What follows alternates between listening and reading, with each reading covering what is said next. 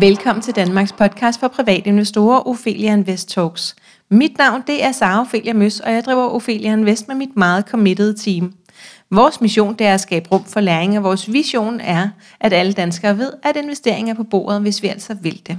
Strukturen er, at vi udkommer to gange ugentlig, nemlig fredag og lørdag, og podcasten varer 30 minutter. Vores hovedsponsor det er Spotlight Stock Market, og i dag skal det handle om markedet 2021, og vi kigger også lidt tilbage til 2020. Jeg har fået Andreas Østerheden med på linjen, og hej til dig Andreas.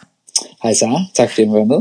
Selvfølgelig, du er chefstrateg hos Nordea, øhm, og vi skal høre en lille smule om de ting, som du ved noget om. Men vil du ikke starte med lige at fortælle en lille smule om dig selv først? Jo, jeg er øh, klassisk øh, universitetsøkonom for Københavns Universitet, øh, og så har jeg arbejdet i sektoren i omtrent de sidste 10 år, alle år, øh, inden for øh, investeringsområdet i den ene eller anden skæring. Og omkring de sidste 6 år har jeg så arbejdet primært med øh, privatkunder og deres investering, og, og ikke mindst også det, vi sådan kalder household offices, som, som er rige individers kontorer for, for, for deres investeringsporteføljer. Så, øh, så hvad hedder det, ja, efterhånden nogle år i, øh, med fokus på markederne. Ja, øhm, og øh, nu lavede jeg lidt research på dig øh, her, inden at jeg lavede øh, det her, den her spørgeramme, øh, og vi har jo også haft dig med før, øh, og, øh, og en af de artikler, jeg faldt over, det var, at, at du er ret ung i forhold til de andre på feltet. Eller hvordan? Ja, det er jeg. tror, øh, nu, nu, nu er jeg fyldt 31. Men, du, øh, tillykke. tak. Så ikke 30 længere. ikke 30 længere, nej. Øh, men nej, det er jeg nok. Øh, og, og ja, er det så godt eller skidt? Jeg tror i virkeligheden, det er, det er ret godt at have forskellige både aldersgrupper, kompetencer, baggrunden øh, i et team. Altså ja. vi har, øh, vi, vi, jeg, har, jeg har kollegaer, der, der, der fylder 60 her i år, øh, som, som grundlæggende set sidder og laver meget det samme, som jeg gør. Øh, og så har vi mig. Øh, jeg har også nogle rigtig dedikerede studenter, som er i starten af 20'erne. Så jeg synes, øh, det med at samle øh, kompetencer, øh, interesser, viden, øh, det er særligt, når vi snakker investeringsmarkederne, hvor ja. at, at man, jeg synes i hvert fald, man får rigtig meget ud af også nogle gange at research noget, der, der måske ikke lige er oplagt øh, som investeringstema. Der, der, der tror jeg, det er ret værdifuldt. Ja, fordi man, man er jo også, vi er jo formet af hver vores tid, så, så det er jo en helt forskellig måde at se verden på os. Så det, det forestiller mig giver, et, uh, giver en hel masse. Øhm, og hvor stort er det, jeres team er? Vi er, vi er 25 mand øh, samlet set øh, fordelt i de, i de fire nordiske lande. Øh, vi har, jeg, har, jeg har kollegaer både i, i, i Oslo, i Stockholm og i Helsinki også. Øh, og Som der hører under dig i Danmark? Nej, altså, hvad hedder det, øh, jeg har, jeg har, sådan, jeg har det faglige ansvar i Danmark for, øh, for vores investeringsstrategi. Ja. Så det er der, hvor, øh, hvor, hvor den går. Og, og jeg har så pangdanger, du kan sige, ligesom mig, i, yes. i en i Norge, en i Sverige, og så en i Finland også. Og til sammen er I så 25 i alt? Til sammen er vi 25 i alt, ja. Og hvor mange, hvor mange penge har I under forvaltning? Jamen det er alt efter, hvordan du, øh, du, du opgør det. Øh, i, I Danmark, der, øh, der har øh, ja, vi, eller jeg har ansvaret for omkring øh, 215 milliarder, øh, og så oven i det en lille pensionsfond, som vi også driver på omkring øh, 32 milliarder. Så, så der er nogle kroner bag øh, det, vi, øh, det, vi går og siger. ja, hvad sagde du? 215 og 32? Ja. Og er, er det det, som, som du ligesom står i spidsen for? Det er det, jeg står i spidsen for her i Danmark. Øh, og så har er det vi så, så både også, herre fra Danmark og de rige rige? Det er både her for Danmark ja, og, de, og de rige rige, og så okay. kan man sige, i de andre nordiske lande, før Nordea solgte øh, Nordea Liv Pension fra, som nu hedder Velliv, jamen så har vi faktisk Nordea Liv Pension i de andre lande, hvor vi også rådgiver på deres pensionsbalance, og hvor de implementerer vores investeringsråd. Så, så vi, så, vi har så en vel, god blanding. Vel, ja, Velliv er altså ikke længere en del af, af Nordea. Det solgte de fra, siger du? Ja, det blev solgt fra. Nu hørte jeg lige i går, at øhm, øhm, hvor jeg talte med Anne Lehmann Eriksen, som, som også kommer ud øh, her i samme weekend, øhm, at den havde klaret sig allerbedst i 2020, den pension. Er det så ærgerligt mm. at mhm. stå ved siden af og tænke, og den har vi lige solgt? Nej, altså jeg, jeg, jeg kender jo mange af de øh, tidligere kollegaer, og mm. jeg, jeg synes, der er, der er super mange dygtige øh, investeringsfolk øh, i, i velliv, så, så det er da bare rigtig dejligt at se, øh, okay. at, at de klarer sig godt, og jeg er jo selv kunder, kan man sige, gennem ja. min egen arbejdspension. Så, så, ja, så er det svært at være, så er det svært at være ked af det. okay. Øhm, hvordan har det været at være øh, chefstrateg i øh, hen over 2020? Altså, jeg, jeg tiltrådte som chefstrateg i december 2019, øh, og vi havde jo et, øh, som, som mange af dine lyttere, og du i hvert fald også husker, et, et ret vildt start på, på 2020. Så jeg nåede lige at sidde i stolen en, en to og en halv, tre måneder, og så, så gik det hele løs øh, med pandemien. Ja. Så altså, jeg synes, det har været en enorm øh, spændende periode at være chefstrateg i. Jeg synes også, at, at, at at, at når, når jeg, da jeg stod i starten af, af 2020 og, og fortalte vores kunder en historie om, at, at det var nu, at økonomierne skulle til at komme i omdrejninger igen, og vi så ind i et lysere 2020, og alle vores prognoser så blev, øh, blev sat lidt over øh, af en pandemi, jamen så føltes det da lidt underligt. Men, men på den anden side kan jeg jo så også se, at, at jeg var ikke den eneste, der blev overrasket over, at vi lige blev ramt af en, af en pandemi. Fik, øh, så, undskyld, men fik du nogle øjeblikke der, øh, at du ved, sådan i marts, april, øh, maj, Altså, hvor du tvivlede lidt på, om du var øh, voksen nok til jobbet, og det handler ikke om din alder, bare sådan, altså, mm. det, den kan vi jo alle sammen have. Du ved, Jesus, hvad har jeg rådet mig ud i? Ja, altså jeg vil sige det på den måde, at, at jeg, jeg tror, jeg blev, jeg blev ekstremt overrasket over tempoet, men det kunne jeg sådan set også mærke, at uh, mine ældre kollegaer ja. fordi markedet jo faldt. det blev vi alle sammen. Uh, over 30 procent på 23 handelsdage.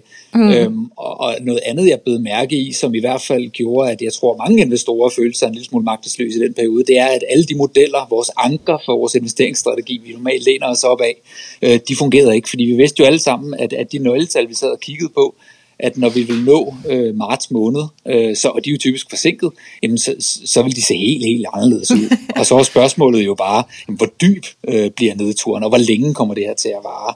Øh, og, det var rigtig svært på det tidspunkt at sige noget om. Jeg sad lidt med en følelse af, øh, sådan at, at tyngdekraften var, var ophørt på en eller anden måde, fordi ja. øh, mange af vores modeller, de pegede alle mulige retninger, men i stedet, stedet så blev, synes jeg jo egentlig 2020 blev sådan et, et år med meget simple fortællinger, simple narrativer, Øh, det første, vi begyndte at diskutere, det var jo selvfølgelig, hvilke selskaber øh, vil have det godt af, og, øh, at verden lukker ned. Ja. Øh, og hvilke regeringer, hvilke lande vil respondere hurtigst og kraftigst på det. Og det var en af grundene til, at vi gik ud og købte flere amerikanske aktier 1. marts, selvom rigtig mange sagde, det var da fuldstændig tosset at gøre, fordi hvad nu med de her tech-selskaber, de er jo dyre, og der er risiko. Hvor vi sagde, jamen vi tror egentlig, at, at USA vil være nogle af dem, der er hurtigst til at reagere, både den amerikanske centralbank, men også øh, regeringen. Øhm, og det, det var en af de ja, kaldte sig viste sig at være, være, være rigtige i hvert fald. Øhm, man kunne have truffet mange beslutninger, men, men så, så jeg, jeg tror, at i sådan en situation for mig var det enormt vigtigt øh, ikke at tage øh, for store risici i de bets, vi lavede, og så, øhm, så, og så øh, virkelig få trygtestet ens historie, fordi at meget af det jo ikke havde det sædvanlige anker, øh, som vi er vant til. Øhm, hvor mange øh, fornuftige beslutninger versus øh, forkerte beslutninger fik I truffet øh, sådan i, i, i første og andet kvartal? Ja, men altså jeg vil sige, vi, jeg tror som, vi, det kan jo være helt hudløst at sige, det der ærger mig, vi fik faktisk taget risiko af på det rigtige tidspunkt. Så det gjorde vi i slutningen af februar måned. Øh, der tog vi lidt aktierisiko af, men vi nåede ikke, fordi det gik så stærkt, nåede vi ikke at få nok på igen. Øhm, vi, vi har ikke været undervægtet aktier på noget tidspunkt, men, øh, men vi fik først øh, overvægtet aktier igen her efter sommerferien. Det vi i stedet gjorde, det var, at vi tog en del kreditrisiko. Øh, særligt da den amerikanske centralbank Fed i april måned annoncerede, at nu vil man øh, købe op i de obligationer i det univers. Så, så vi har haft risiko i porteføljerne, men set i, i bagklodskabens alt for uendelig klar lys, så havde jeg da håbet på, at vi har taget endnu mere risiko. Men det er også bare vigtigt i den situation at huske på, at det var enormt uigennemsigtigt det sted, vi stod. Vi vidste ikke tilbage i marts, hvordan pandemien ville udvikle sig. Vi vidste ikke, hvilke økonomiske konsekvenser, eller hvordan centralbankerne og regeringerne ville håndtere det. Øhm, og i sådan et miljø, der, øh, der kan man selvfølgelig godt gætte, øh, men, men det vil vi meget gerne undgå at, at gøre alt for meget. Så, så, øh, hvad hedder det? så ud fra de kalkulerede analyser, vi kunne lave på det tidspunkt, så, så synes jeg faktisk, at vi er sluppet igennem året fornuftigt. Øh, nu, nu sagde du to ting. Du sagde, at I tog lidt aktierisiko af i slutningen af februar.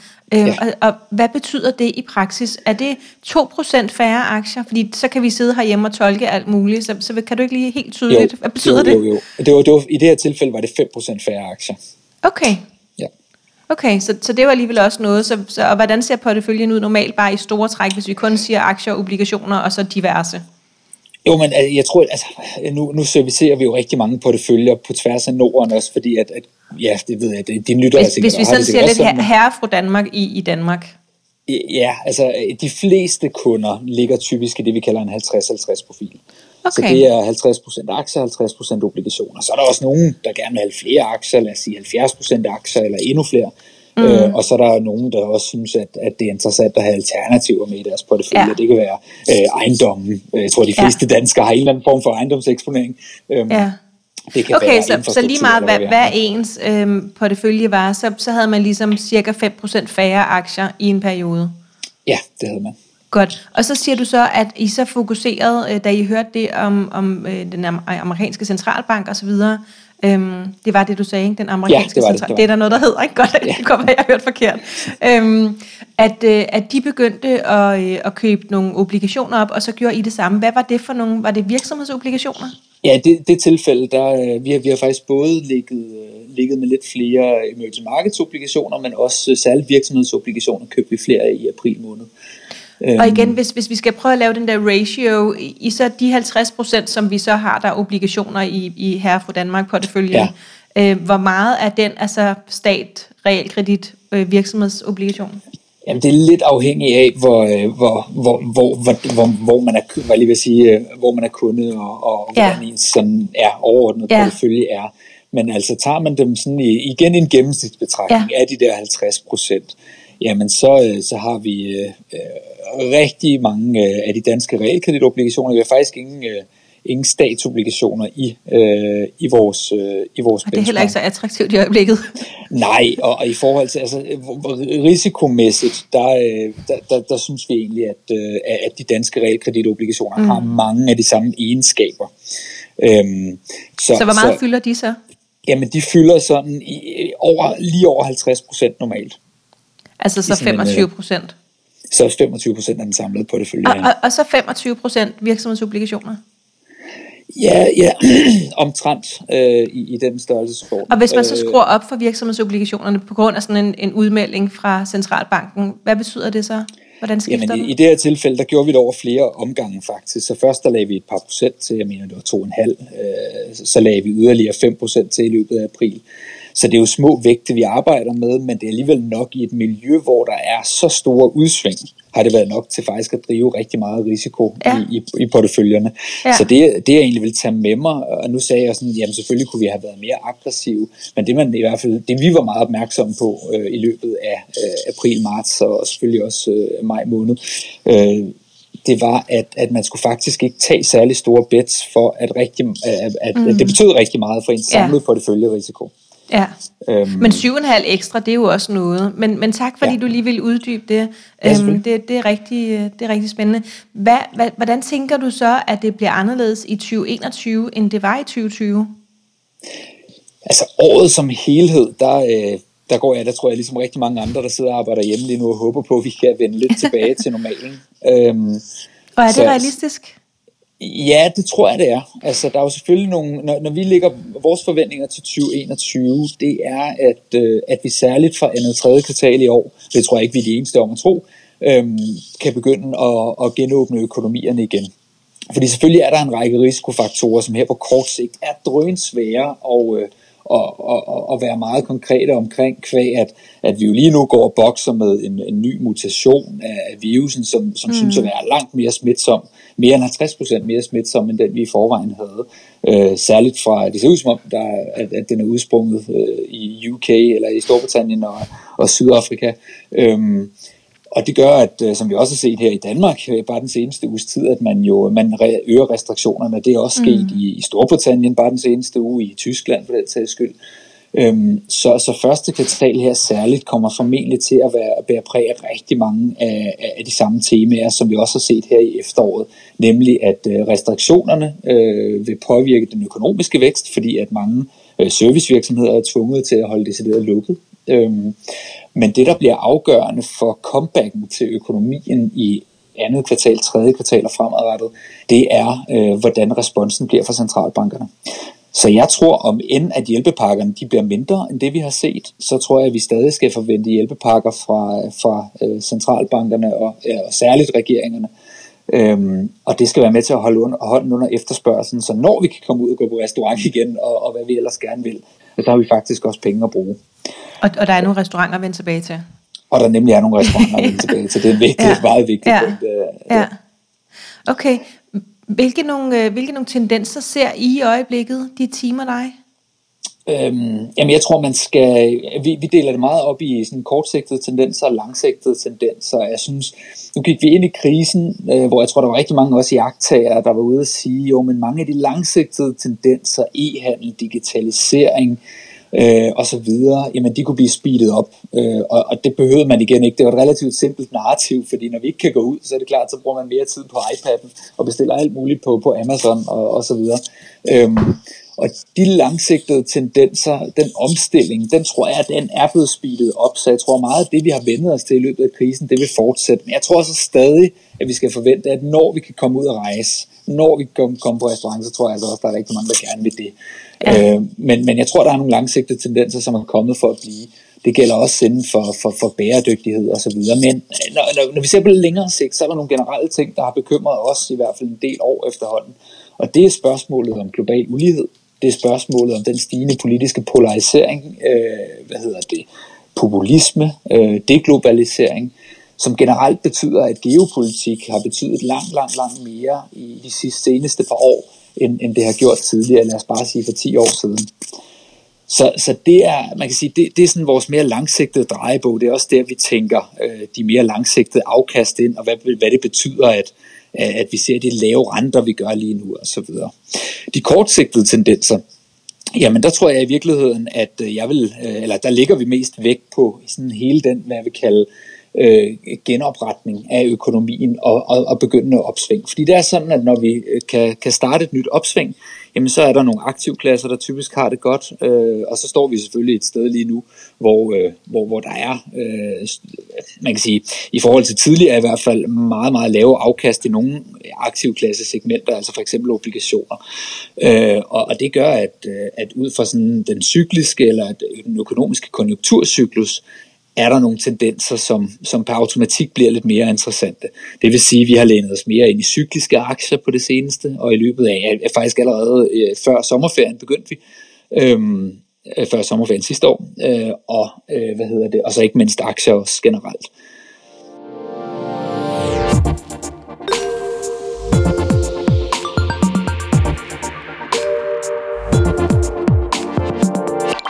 Ophelia Invest Talks er sponsoreret af børsens Spotlight Stock Market. Siden dag 1 har Spotlight arbejdet for at skabe bedst mulige betingelser for vækstvirksomheder, så de har adgang til ekspansionskapital og aktiemarkedets fordele. Spotlight-børsen arbejder på at skabe mere synlighed om de selskaber, der er noteret på Spotlight, og mener, at jo lettere og sikrere det er for virksomhederne at blive og være børsnoteret, desto lettere og sikrere bliver det også for os investorer at være investor i selskaberne. Og de der cykliske øh, aktier eller cykliske sektorer, øh, kan du lige for dem, der lytter med, skyld, øh, sige, hvad er det for nogen?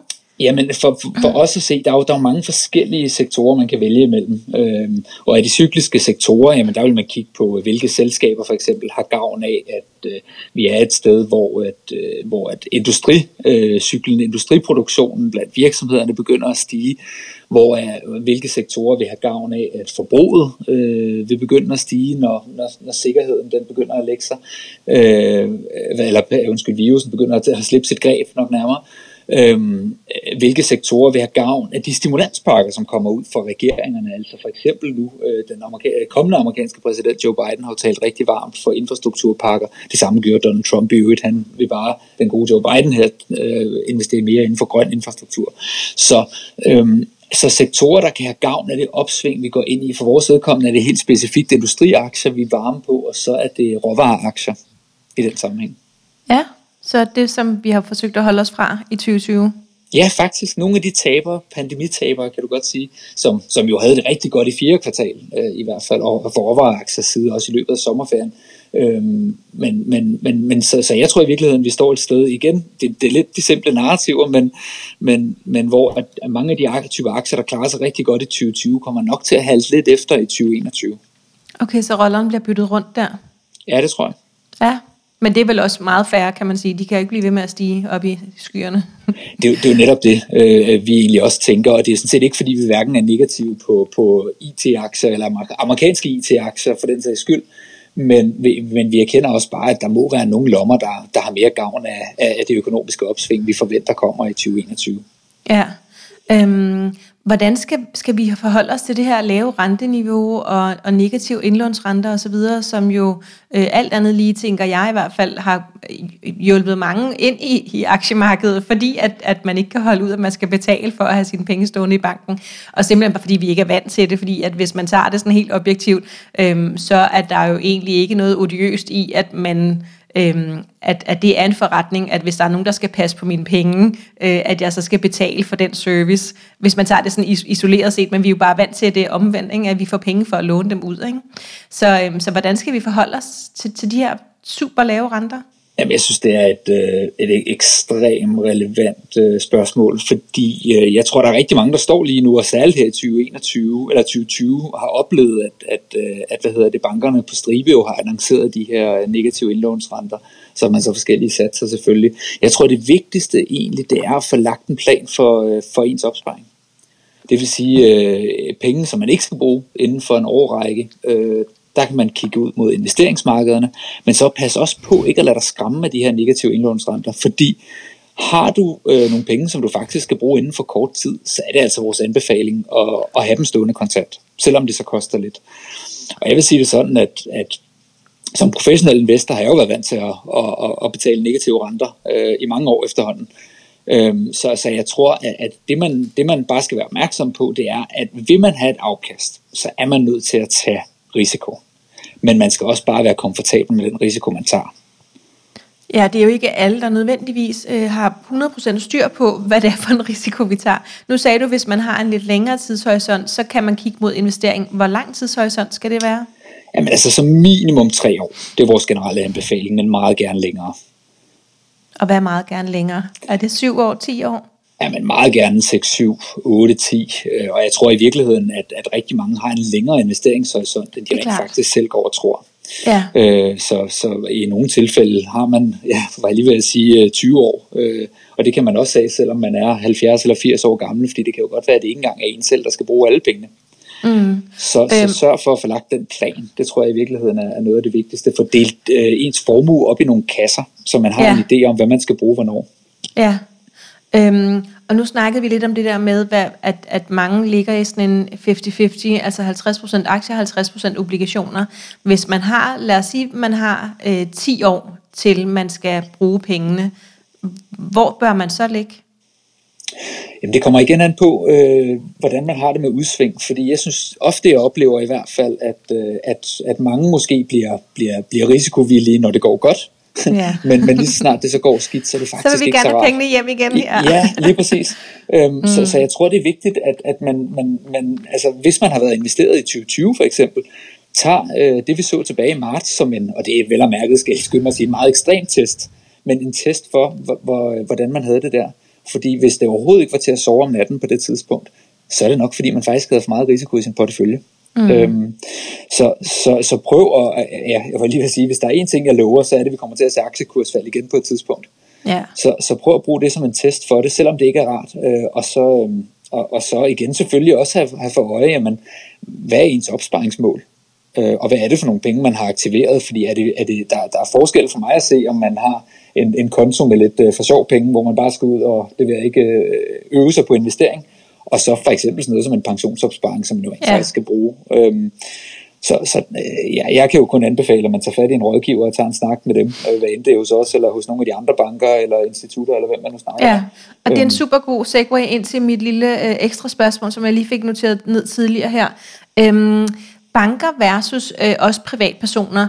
Øhm, hvordan, hvordan skulle man have været investeret i 2020 for at komme bedst muligt ud var det, var det et år, hvor det var godt at sidde øh, med tøjlerne selv, eller var det et år, hvor at, øh, at man med fordel kunne have haft pengene stående hos sådan nogen som jer? Jeg tror, det kommer helt an på, hvordan man så har opført sig, når man har haft tøjlerne selv. Fordi det vigtigste, jeg har taget med fra mig øh, for, fra i år her, det er, hvor vigtigt det har været at holde fast i sin langsigtede investeringsstrategi. Så, så har man bare holdt fast i den, så er man faktisk i brede træskolængder så har man faktisk sluppet igennem med skinnet på næsen. Øh, og i, i de fleste tilfælde har man faktisk også tjent penge i et år som 2020. Øhm, så, så, så det vigtigste er, hvis man selv, og jeg, jeg kan egentlig opfordre til at være, jeg synes jo bare, det er rigtig fedt, øh, at, have, at vi har en, en mere og mere aktiv investeringskultur i Danmark. Mm. Øh, så så for, for dem af dine lyttere, som, som, som øh, godt kan lide at have øh, hænderne på rettet selv, kan jeg da kun opfordre til at, og, og, og, ja, at gøre det også. Øhm, ja, men have en strategi have en strategi, ja. ja. Fordi det er bare, det, ja, at, at have solgt ud det i marts. Og nu, jeg ser jo lidt af hvert, øh, for, ja. for min stilling i hvert fald. Ja. Men man bliver ærgerlig over det, når man så står efter sommerferien, og, og det hele faktisk ser lidt lysere ud. Men det er klart, ja, og man var en af dem, der solgte på vej ja, ned. Ja. ja. Jeg kan fortælle en lidt, øh, en lidt øh, skræmmende ting her på, på faldrebet. Jeg holdt et, et foredrag ude i Rødovre, øhm, lige i den periode, hvor man gerne måtte holde foredrag. Øh, og der sad 60 mennesker, og så sagde jeg, hvor mange investerer allerede? Og så rakte to tredjedel hånden op. Og det var rigtig positivt, fordi det er meget anderledes, end hvor mange der rakte hånden op for tre år siden, da jeg startede med at holde foredrag. Så, så det var rigtig positivt. Mm. Så sagde jeg, hvor mange af jer har en strategi? Vil du gætte, hvor mange der rakte hånden op? Åh, oh, øh, 10 procent af dem, der rakte hånden op først. Øh, det var to. Wow. Ja. Så, øhm, og til alle jer, der lytter med, øhm, både Andreas og jeg, vi siger, læng strategi, øhm, yes, og få hjælp til det, hvis I ikke kan finde ud af det. Det er rigtig vigtigt. Øhm, godt. Hvilke råd giver I til jeres kunder her i starten af 2021? Og jeg tror, altså det jeg har oplevet, det, det spørgsmål jeg i hvert fald har oplevet mest her i 2020, det har været, øh, hvordan der kan være en så stor forskel på, hvad der foregår i økonomien, og så hvordan finansmarkederne de agerer det, at vi øh, jo som investorer, var jeg lige vil sige gåsøjne, lagde pandemien bag os den 23. marts sidste år, og så har ja. resten af verden ellers levet øh, midt i pandemien lige siden. Ja. Øhm, det, det tror jeg egentlig det vigtigste er at have fokus på, som markedet også har fokus på, det er, at, øh, at vi kan sagtens se, at økonomi, det går rigtig dårligt i økonomien i løbet af, af, af de kommende måneder stadig. Og i den periode kan vi godt se, at markedet også vil opleve nogle host og nogle skuldpister her, fordi at vi som investorer selvfølgelig har fokus på, når der kommer en virusmutation, hvad betyder det så for den økonomiske vækst fremadrettet? Men vigtigt at holde sig for øje, at markedet altid kigger fremad. Så vi tager som investorer forskud på glæderne, og det betyder, at man som investor altid skal forsøge at kigge en, ja, en 6, og måske endda her under pandemien endnu længere frem, 12 måneder frem, og så prøve at vurdere, hvordan økonomien kommer til at se ud der. Og der er vores fokus, det er, at vi tror altså, at jo længere vi kommer hen i 2021, forudsat at, at vores base case holder med, at vaccinationerne fortsætter, fortsat at øh, regeringerne de stadig og centralbankerne understøtter økonomien, jamen så står vi altså et meget lysere sted øh, om et år, end, end der, hvor vi står lige nu. Øhm, vil du ikke lige sætte et par ord på, hvad man skal have af øhm, forventninger til afkast fremadrettet? Fordi alle dem, der er startet her i 2020, og måske endda var heldige at komme ind på det gode tidspunkt, øhm, har nogle, øh, fået nogle Øhm, og jeg ved ikke, hvordan jeg skal sige det. Det er gået godt for nogen i 2020, som I rigtig godt. Altså måske er det steget 30-50 procent øh, mm. for nogens vedkommende. Øhm, er det normalt? Nej, jeg tror, hvis man har timet det rigtigt, øh, så man, er der en risiko for, at man er blevet lidt fartblind. Øhm, og, og jeg vil sige, vi, vi er nok blandt nogle af de positive her, gående ind i 20, 2021. Øh, og vi forventer en 5-10% på de globale aktier. Og det er faktisk øh, rigtig højt, fordi aktier normalt, jamen de stiger, lad os sige, i, i reelle termer korrigeret for inflation omkring 6,5% om året. Og det er jo selvfølgelig med gode år og med dårlige år. Og nu forventer vi så, at vi får et, go- et godt år. Men altså, det man jo som investor bliver kompenseret for ved løbende at få øh, et aktieafkast, jamen det er også de dårlige tider, der kan komme. Så mm. forvent ikke, at I får 50% igen i hvert fald. Men øh, jeg vil Mellem sige, 5 og 10. Er, ja, mellem 5 og 10 er et, et, et fint bud, som vi heller ikke synes er for optimistisk. Vi tror, okay. der er rimelig gode muligheder. Okay. Øhm, og hvis man så kigger endnu længere frem, hvis vi sådan kigger de næste 10 år, hvad vil så være et realistisk, øh, en realistisk forventning til sådan årligt afkast? Ja, men det vil være det vil være noget lavere, fordi når vi øh, når vi vurderer de, de langsigtede afkast, nu kan jeg sige, altså for eksempel hvis vi kigger over en 20 års horisont, så tror jeg at man skal forvente måske en en en, en 3,5% på en på en 50-50 portefølje. Det vil sige 50% aktier og 50% obligationer. Ja, men, altså... men, den, men den der, det er der ikke så mange af os private her, som, som hører øh, min podcast i hvert fald, heller ikke jeg selv. Vi har ikke så mange obligationer, Andreas. Så, så hvis vi bare Nå, igen okay. fokuserer på, på de globale aktier, øh, det er i hvert fald min tese. Jeg har ikke en eneste. Øhm, øh, og det er ikke, det fylder øh, nul og niks inde i hverken Aktieklubben Danmark eller Kvindelotion, vores, øh, vores grupper, og der er alligevel 20.000 danskere, og der er ingen, der nævner noget om obligationer nogensinde. Så, øh, så jeg tænker, kan det, det egentlig være, det er jo super kedeligt, Andreas. Det kan være, at vi skal lave en episode en dag om virksomhedsobligationer, så kan du fortælle lidt om dem, øh, og fortælle, hvordan man, øh, hvordan man gør det, og gør det spændende. Øhm, så, ja. så hvis du skal sige, de globale aktier de næste 10, 20, 30 år, hvad skal vores forventning være der? Nu sagde du 5-10 her i 2021, men ja. hvad hvis vi kigger langt? Jamen jo, jo længere vi kigger hen, øh, var jeg lige ved at sige, når vi bevæger os ud på sådan en netop sådan en 20-årig horisont, så, så skal vi forvente det, det historiske afkast, det vil sige en, en omkring en 6,5 procent eller sådan noget på globale aktier. Så, så, men, men jeg tror, altså, hvis jeg skal sige de næste 10 år, så vil, ligger vi nok under det. Øh, og det skyldes altså det sted, vi er lige nu, hvor ah, altså, det er jo sådan lidt simpelt. Ikke? Vi, vi antager, at aktier, de, øh, når, når vi kigger på sådan noget som prisfastsættelse, altså hvor meget vil investorerne betale for en indtjeningskrone. Så, så der, hvor prisfastsættelsen typisk har en betydning, det er på den lidt længere horisont, altså sådan noget 10, 10 år frem i tiden.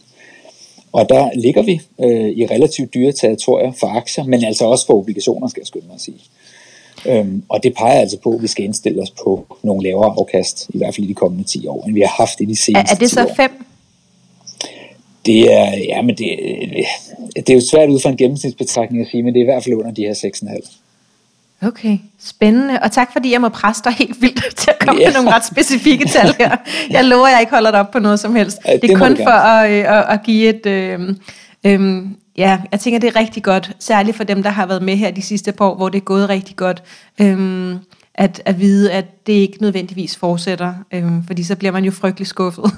øhm, ja, skal vi også lige huske på, altså jeg tror i gennemsnit de sidste 10 år har vi fået omkring 15 procent om året. Ja, det var Så det er jo vildt. altså ja. virkelig meget mere, end vi ellers ville ja. forvente. Andreas, tiden den er gået øhm, allerede. hvad, hvad synes du er det vigtigste, man skal tage med sig fra den sidste halve time? Jo, men jeg håber, at selvom det lyder lidt kedeligt måske, så håber jeg, at det man tager med sig, det er, at øh, hvor, hvor vigtigt det er et år som 2020 at, at have en strategi for sine investeringer. Øhm, og, så, øh, og så forsøge at, øh, og, og ikke lade sig gribe af, af, af panik, når, når alle andre gør det. Øh, fordi vi så nogle dynamikker i marts, som ikke er set siden finanskrisen, øh, hvor markedet mere eller mindre er smeltet sammen. Og der har man altså som privatinvestor den fordel, at det, som oftest i hvert fald, så investerer man for penge, man har, og ikke for penge, man har lånt. Det er i hvert fald mit udgangspunkt for investering. Mm. Og det ja. betyder, at man godt kan kigge igennem øh, de perioder, som, som sådan en, som vi så i marts måned. Ja, fedt. Tusind tak, Andreas. Det var super spændende, øh, ligesom det også var sidst. Tak, fordi du ville være med. Selvfølgelig, Sarah. Det var en fornøjelse. Ja. Det er godt. Du kan følge Ophelia Invest på Facebook, Instagram, YouTube og LinkedIn. Feedback er altid velkommen. Har du ris, ros eller forslag, så send os en mail på kommunikationsnablag.ofeliainvest.dk. Også hvis der er nogen, du godt kunne tænke dig at høre i podcasten. Du kan være med i vores medlemsklub, og der kan du lære både at investere og lave aktieanalyse i Ophelia Invest Club. Vi har en øhm, aktieanalyse bootcamp her i slutningen af januar hen over en uges tid. Den kan du læse mere om på hjemmesiden. Du er meget velkommen i både Aktieklubben Danmark og Kvindelogen hvor vi som sagt er over 20.000, der nu sidder og sparer på daglig basis. Øhm, yes, og så er der bare tilbage at sige tusind tak, fordi du lyttede med.